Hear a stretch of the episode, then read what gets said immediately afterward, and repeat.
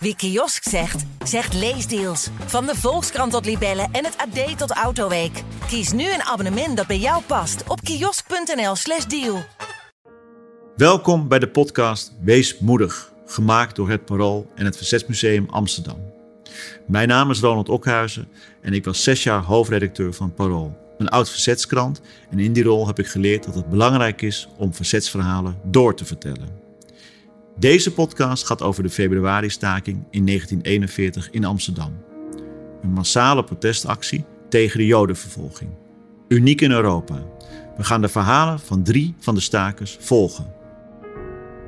In deze aflevering maken we kennis met het verhaal van de familie van Joop IJsberg, de tramconducteur die collega's opriep om niet uit te rijden en dit met de dood moest bekopen.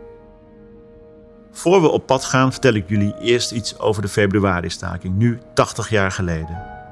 Nederland is dan bezet door Nazi-Duitsland. Amsterdam, 1941. Op 25 februari leggen tienduizenden mensen hun werk neer om in opstand te komen tegen de Jodenvervolging.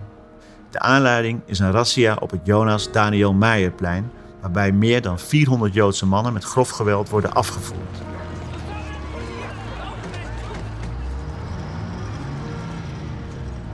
Vele verontwaardigde mensen gaan door de straten van Amsterdam en ook buiten de stadsgrenzen wordt gestaakt.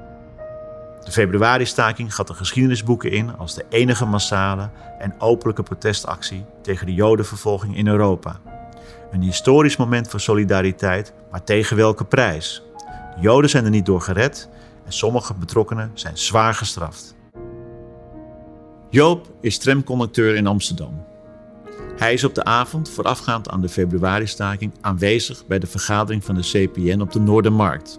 De volgende ochtend, op 25 februari, vertrekt hij vroeg naar de tramremise en roept alle collega's op om niet uit te rijden. Hij stapt in rijdende trams om ze te stoppen. Leg het werk neer, doe mee met de staking. Joop overtuigt veel collega's.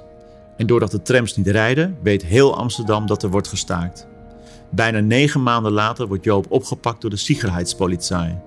Hij wordt gebracht naar het huis van bewaring aan de Weteringschans. Door kleine briefjes, verstopt in zijn wasgoed, blijft Joop in contact met zijn vrouw To en de kinderen Joop, Annie, Tootje en Tini. Ik mis jullie hoor. Ik lig hier s'nachts uren wakker. Dan denk ik maar aan jou en de kinderen. We hebben wel eens woorden gehad. Maar nou merk je wat jullie voor mij waren. Ik hoop dat je over mij net zo denkt, lieverd.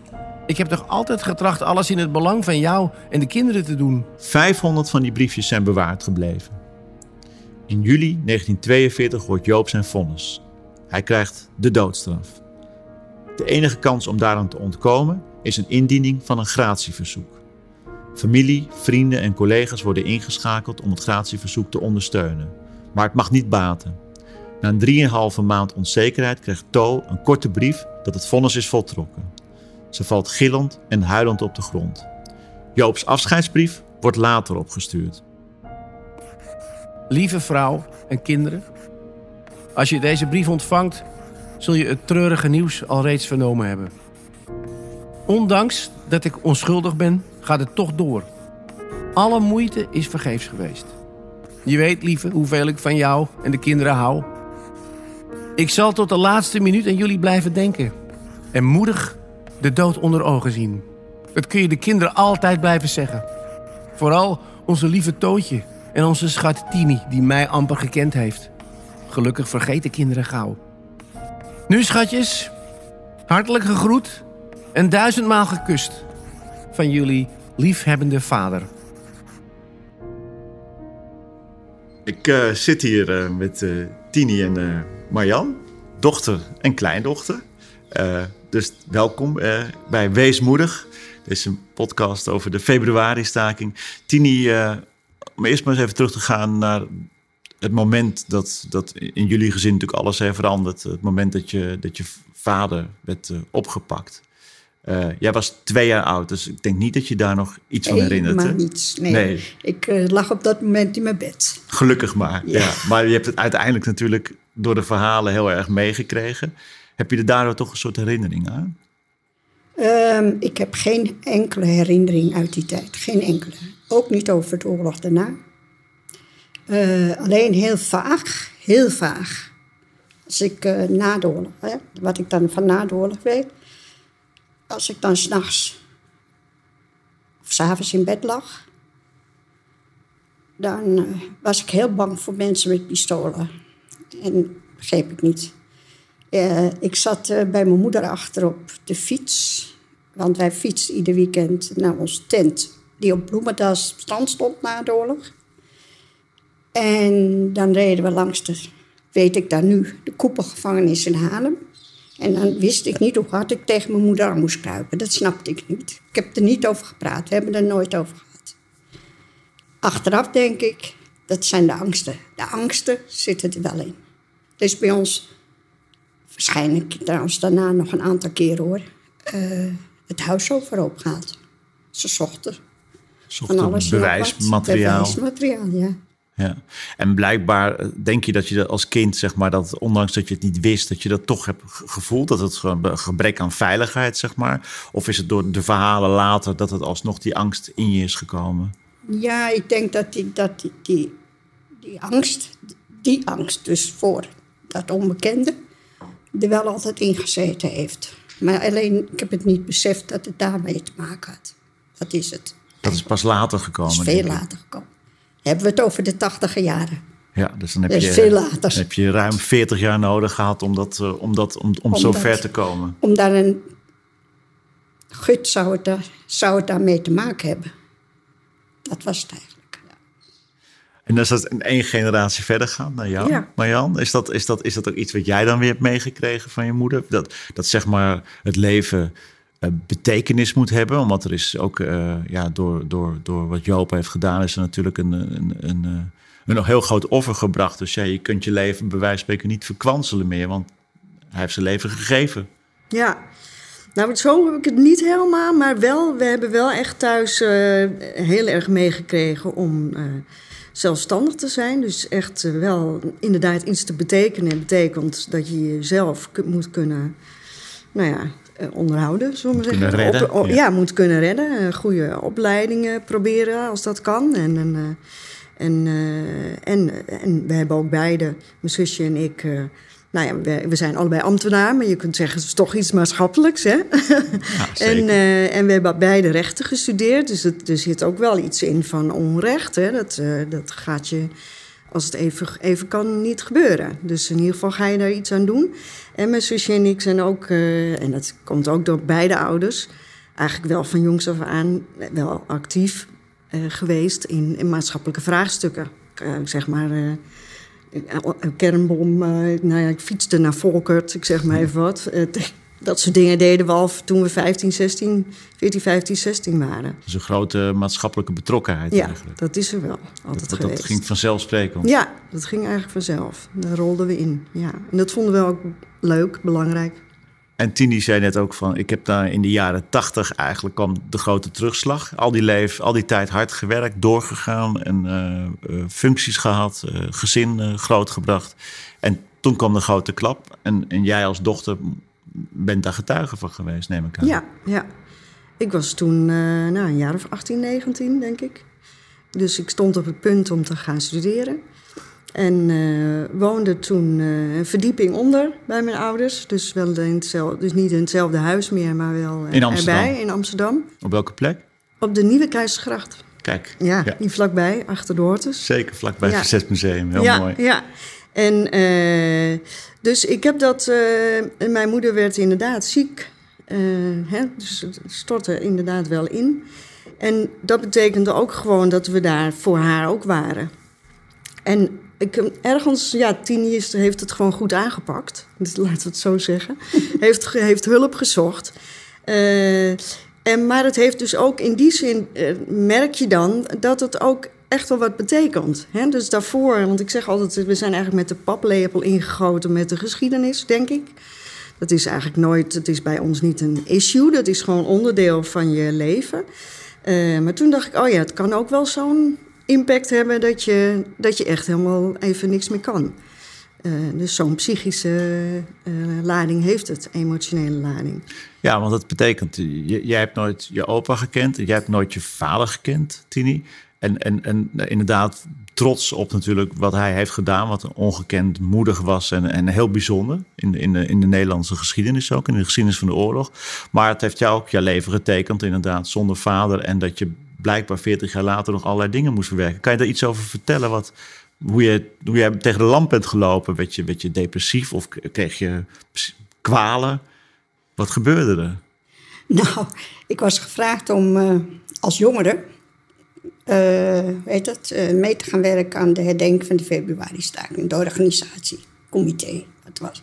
Want er waren allemaal ouderen toen. Die hadden allemaal meegedaan aan die staking of op de een of andere manier. En die generatie was natuurlijk een beetje ja, het opschuiven. die generatie. En met mij een paar anderen. En de toenmalige secretaresse, die, die stopte. Dat deed je daar. Die stopte, die wilde stoppen, die was 80 of zo. En uh, die wilde graag dat ik dat ging doen.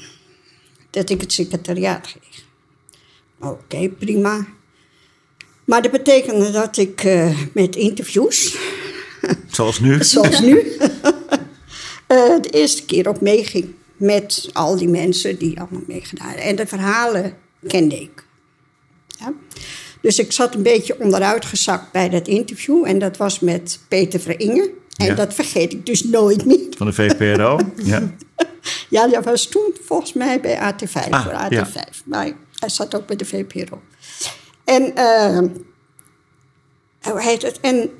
Ze waren zo allemaal hun verhalen vertellen. Wat ze, wat ze allemaal gedaan hadden, hoe het allemaal gegaan was. En, en toen vroeg Peter in ene, ik zat zo tegenover elkaar. Hoe was het bij jou, Tini, thuis?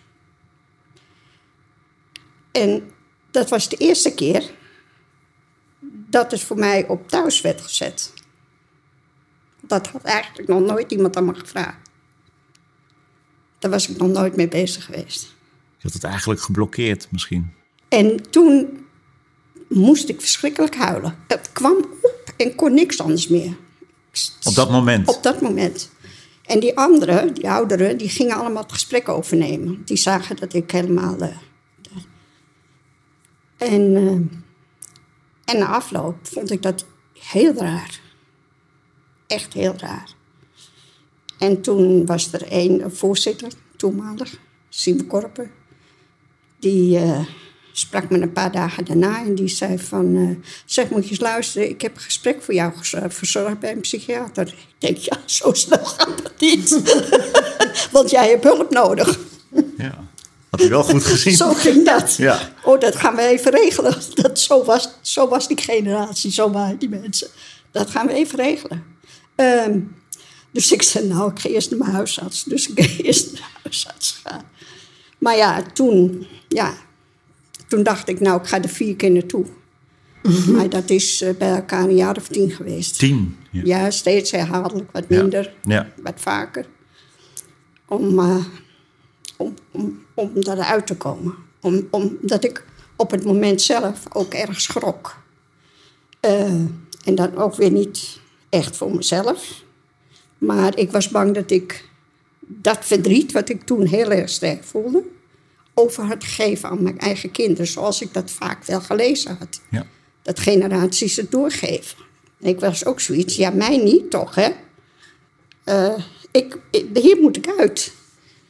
Uh, maar ja, zo is het eigenlijk. Zo ben ik tegen de lamp gelopen. Maar zeg maar die ene vraag van Peter van Ingen, die in één keer direct ging over je eigen thuissituatie. Die ja, en daar was ik niet op voorbereid. Nee, maar, maar dat was natuurlijk eigenlijk een soort van, van alsof hij uh, het laagje eraf peuterde en ja, alle, alle verdriet van al die decennia ja. naar buiten kwam. Ja. Want je hebt natuurlijk al die tijd waarschijnlijk wel meegedragen, maar blijkbaar weggestopt door veel te werken. Erg, heel en, erg weggestopt. Daar waren wij in de familie heel goed in.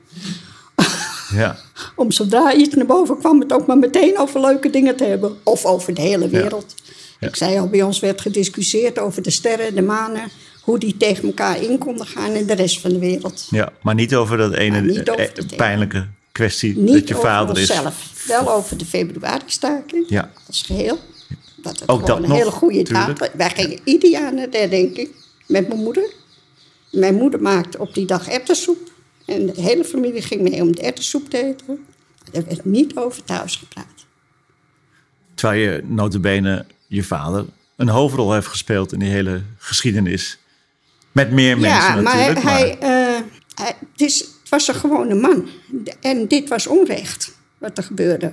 En eh, daar, daar, daar deed hij gewoon wat hij deed. hij vond dat hij dat moest doen. Ja, hij, hij vond dat hij dat gewoon moest doen. Ja. Maar ja, de stad zat vol gewone mensen. En heel veel mensen hebben natuurlijk weggekeken, weten we nu maar al te goed. ja, dat weten we. Maar dus ook een, heel, een aantal mensen niet. En daar had ik mee te maken. Als eh Tini zegt, ik heb het verdriet wat jij dus bij je droeg... en wat het pas eigenlijk in die, eh, in die jaren tachtig uitkwam... en waar je jaren aan moeten werken. Ik wilde dat per se... Ik- ik kreeg een beetje de angst dat ik het aan mijn kinderen ook zou doorgeven. Nou ja, jij bent een kind. Hoe, is dat, eh, hoe, heb jij dat ervaren? Is dat doorgegeven of is dat niet doorgegeven? Nee, nou, nee dit, wij hebben, mijn zusje en ik moesten soms wel. Dan zei ze: Ik hoop niet dat ik de angst heb doorgegeven. Ik doe nu mijn moeder een beetje na. maar eerlijk gezegd hebben, heb ik dat niet. Nee. Ik, natuurlijk, ik hoop nooit een oorlog mee te maken. Hè? En ik heb ook gezien wat een effect dat heeft. Maar misschien is dat wel waarom ik zo maatschappelijk betrokken ben. Ja, want jij bent nu secretaris. Ja, hè, ik van, ben nu eh, secretaris ook van het comité, ja. Maar omdat eh, ik, ik heb die angst, die is niet overgedragen.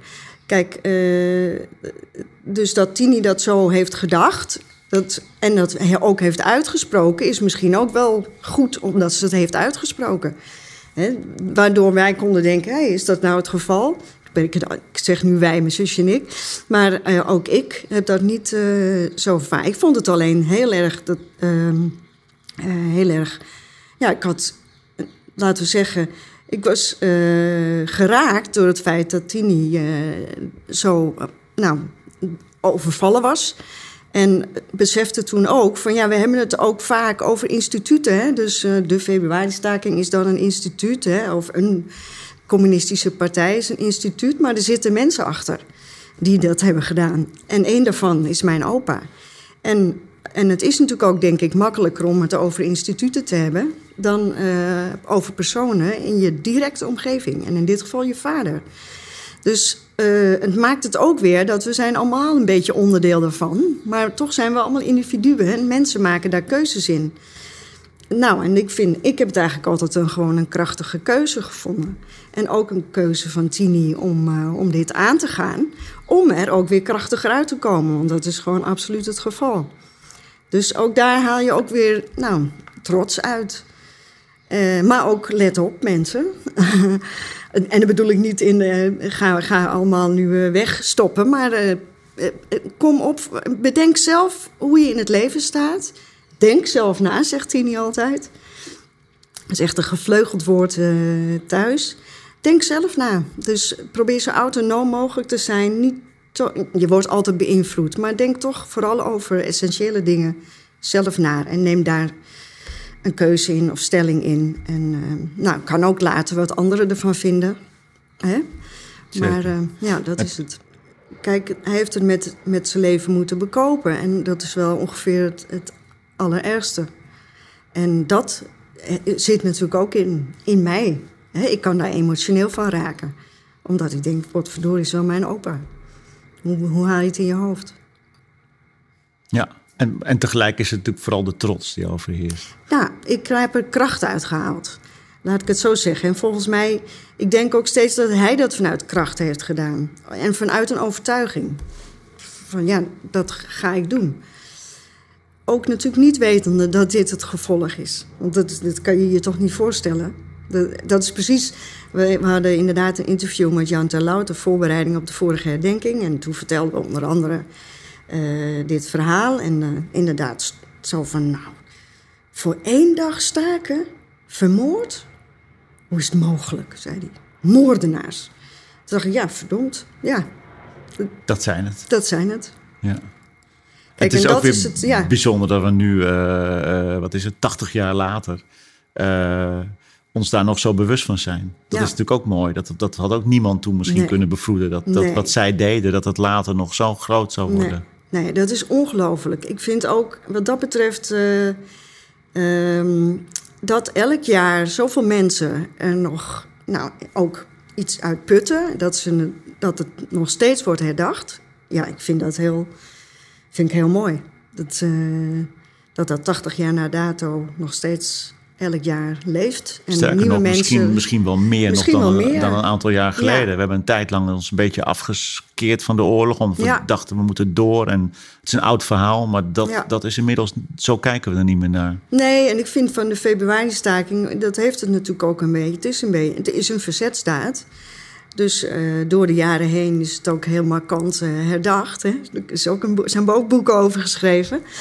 Maar eh, het, je kunt het altijd naar dit moment grijpen. Dus je kunt wat mensen toen hebben gedaan nog steeds naar nu trekken. Inderdaad, van wat doe ik nu? Of waar ben ik het niet mee eens? Of voor wie wil ik opkomen, behalve voor mezelf?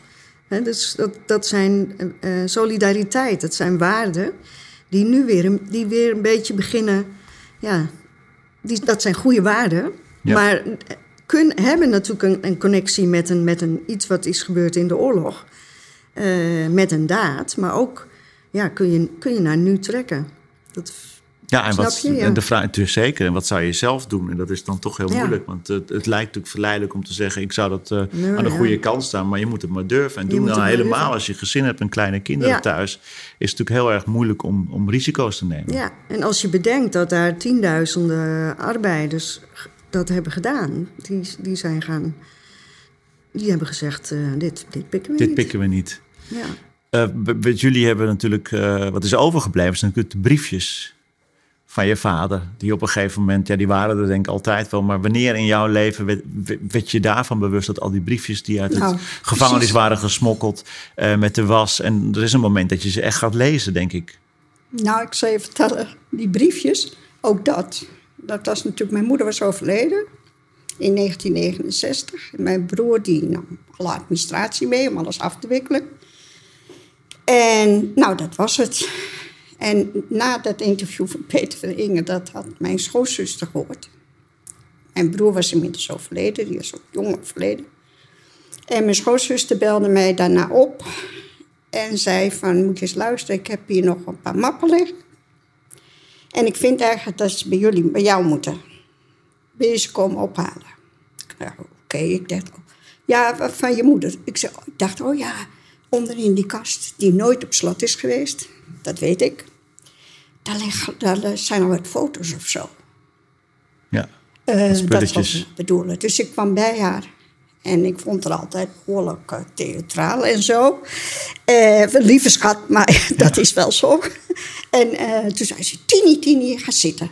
Eh, ik heb het hier liggen. Je mag er nou niet in kijken. Je gaat eerst naar huis en dan ga je rustig zitten en dan kijk je. Ik dacht, ach, ach, ach, ach. je dacht, het zal wel loslopen. Het zal wel loslopen. Nou, ik kwam met de mappen thuis. En ja, dat waren al die briefjes, die kranten, die... Mijn broer ook weer in mappen, kantoormappen, allemaal had eh, neergelegd. Foto's. Eh, nou, dat, eh, ik denk dat, dat ik zo'n jaren vijf bezig ben geweest. Vier, vijf. Om een beetje erdoor te komen, maar bij lange na niet. Omdat je het emotioneel en toen niet heb kon. ik mijn... Daar heb ik eigenlijk een beetje een stukje van mijn vader door teruggekregen.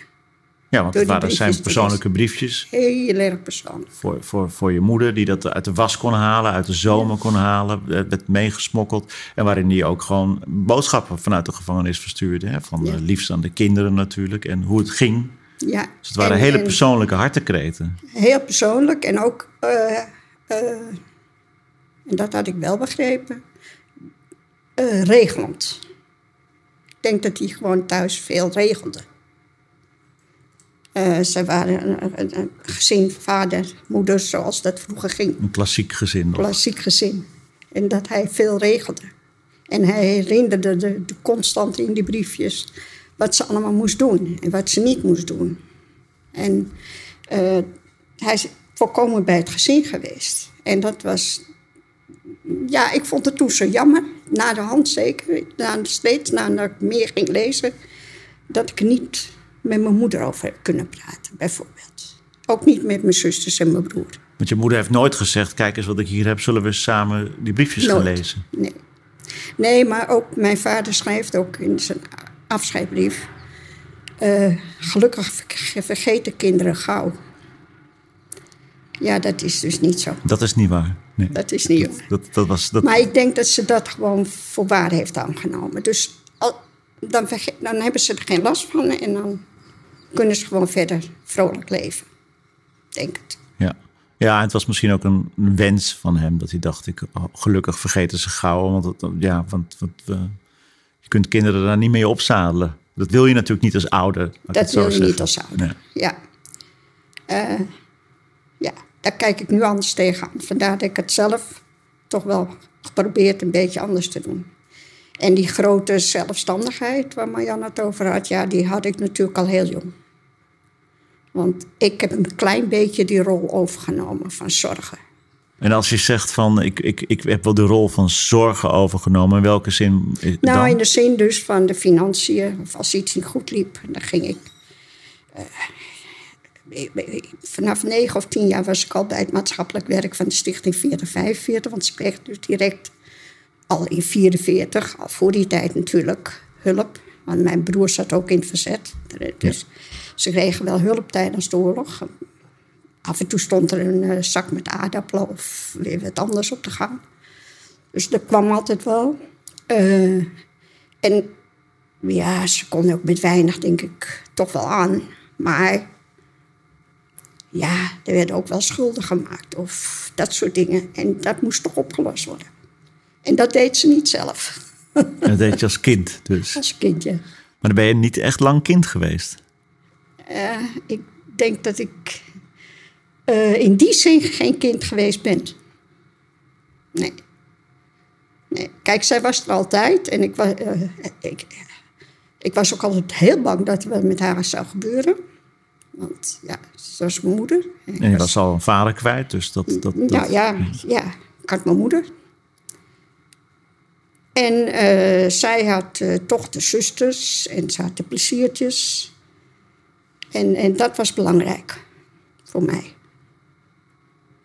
Maar Ja. ik heb het zelf ook leuk gehad hoor. Ik ging heel vroeg al in jeugdorganisaties. En daar ben ik, ben ik eigenlijk heel erg in terechtgekomen. En die briefjes, wat betekenen die voor jou als kleindochter?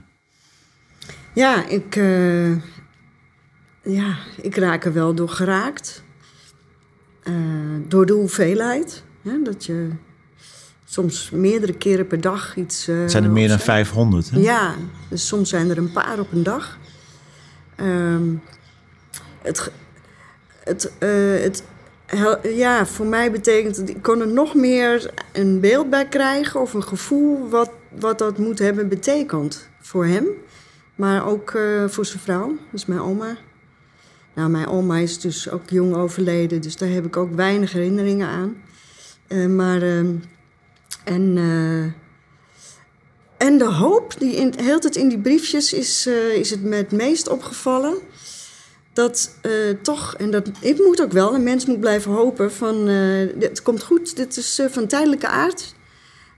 Hou vol. Zij zullen dus best wel snel achterkomen dat, of het zal gauw over zijn, de oorlog. Hè? En, Dus eh, toch po- eh, ook dan positief blijven. Aldo positief blijven, ja. Dat is echt, eh, dat is echt ongelooflijk. Bijna. Dat kan ik, eigenlijk kan je dat niet voorstellen. Maar dat blijkt. Dat, en dat, dat is, eh, eh, ja. Mens houdt hoop. Het is niet voor niks geweest, dat vind ik ook. Hè. Dat klinkt heel raar misschien, maar het is wel zo. We hebben 80 jaar. Maar we hebben dus ook al eh, dik 75 jaar eh, geen oorlog meer in eh, Europa. In ieder geval. Je zou willen dat het overal zo was. Eh, omdat de- meestal de gewone mensen behoorlijk te dupe zijn van een oorlog. Hè? Ja. de hele wereld. En eh, dus dat, dat is altijd de grote drijfveer geweest, dat er geen oorlog meer kwam. En, en dat we ja, zo goed mogelijk met elkaar moeten samenleven. Dat, ja, dat heb ik wel van overgehouden, denk ik.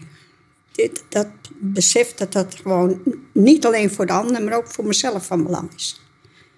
En ik denk dat, mijn, dat mijn vader, zo was mijn moeder ook wel een beetje, ehm, wat goed ja, zo, wat goed is voor de ander, is goed voor jezelf. Je doet het namelijk ook voor jezelf. Je wil niet zo leven. Je, kan, je kan het misschien niet, maar je wil het ook niet. Dus ja, En toch heeft zijn, zijn, zijn daad en eh, eh, die keuze om, om dat te gaan doen, om, om, om, om, om te, te zorgen dat die trams niet uitrijden zouden gaan. En waardoor we eigenlijk in, in die tijd mensen wisten, hé, hey, er is iets aan de hand in de stad. Hè? Dat heeft eh, enorme doorwerking gehad in, in, jouw leven, maar ook in jullie hele gezin. Hè? Met, met, bedoel, eh, op, allemaal toch op een bepaalde manier last van gekregen. Dus heb je nooit gedacht, stiekem, was het maar niet gebeurd? Had hij het maar niet gedaan? nee, eer- eerlijk gezegd, dan kan ik rustig zeggen: nee, dat, dat, kan, ik, dat kan ik me ook niet. Ja, permitteren is misschien het goede woord. Want, ehm, kijk, hij, heeft, hij is niet in verzet gegaan om doodgeschoten te worden, snap je? Dat, is, dat, is, dat kan een mens toch niet verzinnen? Dat is toch ook hetzelfde met de andere dingen die gebeurd zijn. Mensen konden het toch niet begrijpen. De Joodse mensen konden het ook niet begrijpen. Dat kan toch ook niet? Zoiets misdaadigs kan je toch niet indenken? Dat is, ja, we weten het nu. Maar toen de tijd, zo ernstig, Daar kon je niet overzien. dat kon je niet overzien, maar dat kon je je ook niet bedenken. Nee. En eh, net zo goed als dat hij ook tot het laatst toe in de brief het niet kon bedenken.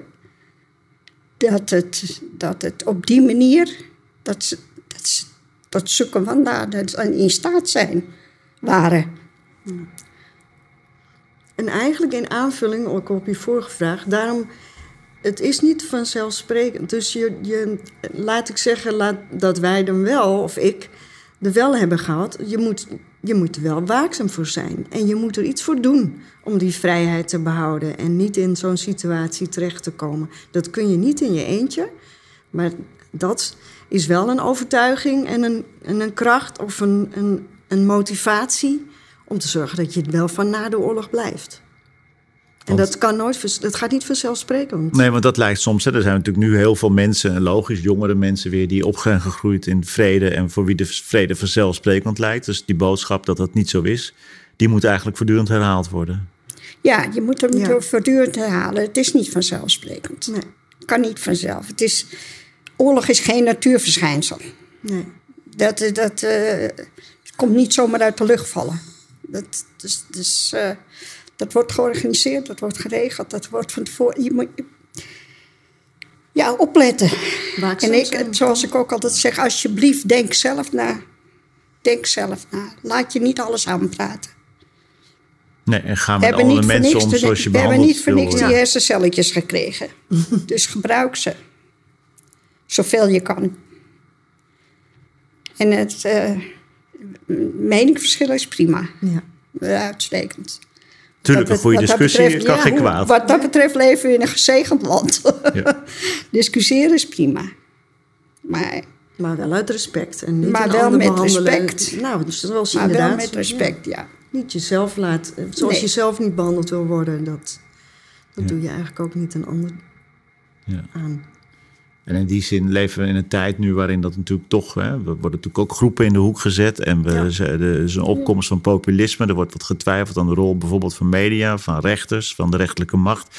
In die zin zijn dat allemaal wel weer signalen die natuurlijk nou, niet per se vrolijk stemmen... Nee. voor mensen die geloven in de democratie. Nee. Dus dat elke keer bespreekbaar maken. En met een link naar wat er is gebeurd. Aan, aan zoveel onrecht wat er is... eh 80 jaar geleden is gebeurd. Ja, we hebben een goed 75 een, jaar als duidelijk voorbeeld van hoe snel het hoe, eh, heel verschrikkelijk kan worden. Ja, In een land in ons het- land. Hè, wij zijn bezet. Ja. Ja, denk je dat eens in als dat gebeurt? Ja. Wat ik nog wilde weten is toen, toen je eh, zeg maar na Peter van Inge en zijn vraag eh, eigenlijk pas voelde hoe moeilijk het is geweest. En een tijd lang je best ja, hard hebt moeten werken, denk ik, om, om daar weer bovenop te komen. Hoe was het daarna? Was het daarna in één keer, ik wil niet zeggen dat het in één keer een vrolijke boel werd, maar is het, was het zeg maar daarna op, een opluchting en kon je daardoor ook een andere betekenis geven aan die geschiedenis bijvoorbeeld? Want die, Ja, natuurlijk. Zeg maar, de druk was van de ketel. Ja, Dat, dat heeft lang geduurd voordat hij echt van de keten was. Ehm, nou ja, kijk, ik heb altijd heel slecht geslapen, bijvoorbeeld. Uh, periodes gehad dat ik maar twee of drie uur per nacht sliep. Ehm, dat, dat is over. Uh, ik, ik kan het nu als geschiedenis achter me laten. Zo hoort het ook natuurlijk. Ook altijd. Nou ja, het werd er vroeger al meteen geroepen, maar dat vind ik ook. Je zou eigenlijk zo'n oorlog en alles wat er gebeurd is in het museum moeten laten. Dat is een goede plek. Alleen ja, we weten dat het niet zo is. Dus het, uh, het heeft mij wel rustiger gemaakt, vind ik zelf. Ik uh, kan zelf meer de rust terugvinden. Um, en ik heb gelukkig kon ik met bepaalde dingen die ik dan toch belangrijk vond. Onder andere de denk van de februari maar alles 4 en 5 mei. Want ik heb ook in het Amsterdamse 4 5 mei comité in het bestuur gezeten, jarenlang. Daar kon ik me wel mee bezighouden. Dat was een onderwerp wat ik belangrijk vond. En ik kon me ook goed mee bezighouden. Dus wat dat betreft kon ik doorgaan. Ik kon wel gewoon doorgaan. En, en, en ja, er wat meer rust in vinden. Misschien ook berusting. Ja, en het verhaal doorvertellen dus. En het verhaal doorvertellen. Omdat het, uh, nou ja... Ja, ik vind het dus een soort van, van waakzaamheid. Eigenlijk ook. Puntje van waakzaamheid. Ja. Jongens, let nou even op. Ja, dit was uh, deze aflevering van Weesmoedig. Ik wil jullie heel erg bedanken voor het gesprek. Graag gedaan. gedaan. En jij bedankt voor het luisteren naar de podcast Weesmoedig.